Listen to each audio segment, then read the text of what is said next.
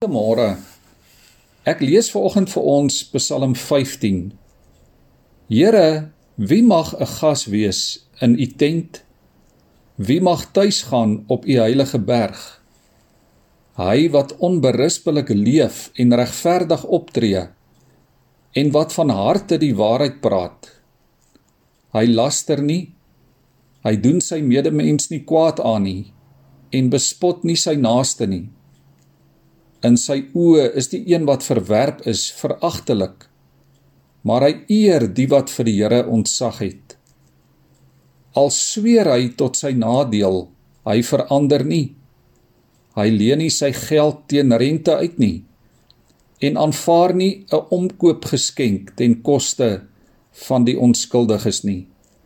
Hy wat hierdie dinge doen, sal nooit struikel nie. Die laaste Sondag voor die COVID-19 inperking begin het, het 'n ouderling na die erediens in die konsistorie gebid: Here, dankie dat ons vandag in u tempel kon bymekaar kom. Laat ons nou hier uitgaan en laat ons liggame u tempel wees in die wêreld daar buite. Liewe vriende, dit het my nogal baie laat dink. Dit het my intussen baie laat dink oor die kerk. Dit het my laat dink oor ons as gelowiges se getuienis in die wêreld waarvan ons deel is. Dit het my die afgelope paar dae ook laat dink oor byvoorbeeld die erediens en oor ons godsdienstige aktiwiteite. Psalm 15 gaan oor die Jode se gereelde bymekaar kom in die tempel en oor die Joodse erediens. Hierdie Psalm sê die Here stel belangrike eise aan die wat na die erediens toe wil kom. Die Joodse gelowiges moes in die regte verhouding met die Here wees. Hulle kon nie maar net leef soos hulle wou nie. Hulle saak met God en met hulle medemens moes reg wees sodat hulle dan ook die erediens en die tempel kon besoek.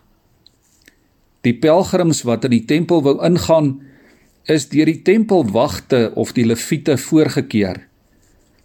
Hulle moes eintlik 'n soort paspoort voorhou, 'n bewys van hulle goeie lewe voordat hulle by die tempel of by die erediens kon ingaan. En daarom vra die psalmdigter in vers 1: Here, wie mag 'n gas wees in u tempel? En wie mag tuis gaan op u heilige berg. Wie die reg om na die Here toe te gaan? En die antwoord was baie duidelik dat niemand die reg het nie. 'n Swaar gordyn het die ingang na die allerheiligste van die tempel afgesper en niemand kon daar voor die Here verskyn nie. Ons as Nuwe Testamentiese gelowiges weet vanmôre dat 2000 jaar gelede aan die kruis het Christus hart uitgeroep. Dit is volbring. En op daardie oomblik het die swaar gordyn in die tempel van bo na onder middeldeur geskeur. En so het elkeen vandag ook jy en ek die reg om deur Jesus se toedoen na God toe te gaan. Geen mens hoef meer sy of haar eie toegangskaartjie aan te bied nie want Christus is nou ons toegang. Niemand kom na die Vader toe behalwe deur hom nie. Liewe vriende, COVID-19 het die afgelope paar maande 'n geweldige impak in ons wêreld. Ons ervaar die effek daarvan ook in die kerk. Ons ervaar dit in ons godsdiens, in die uitleef van ons geloof.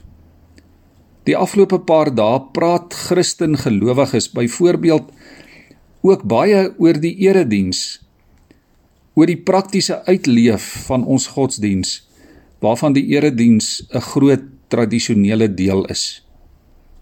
Hierdie Psalm sê uit ons eie kan ons nie voor God staan nie.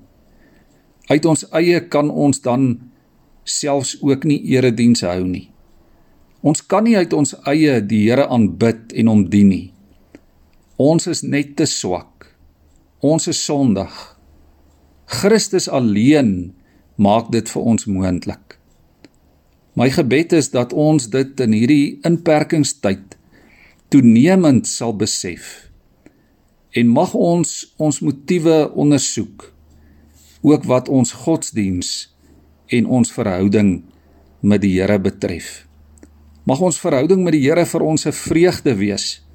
Mag ons godsdiens vir ons 'n vreugde wees en as ons weer die geleentheid het om terug te gaan en saam eredienste hou en ook saam as gemeentes as gemeenskap van gelowiges ons verhouding met die Here uit te leef.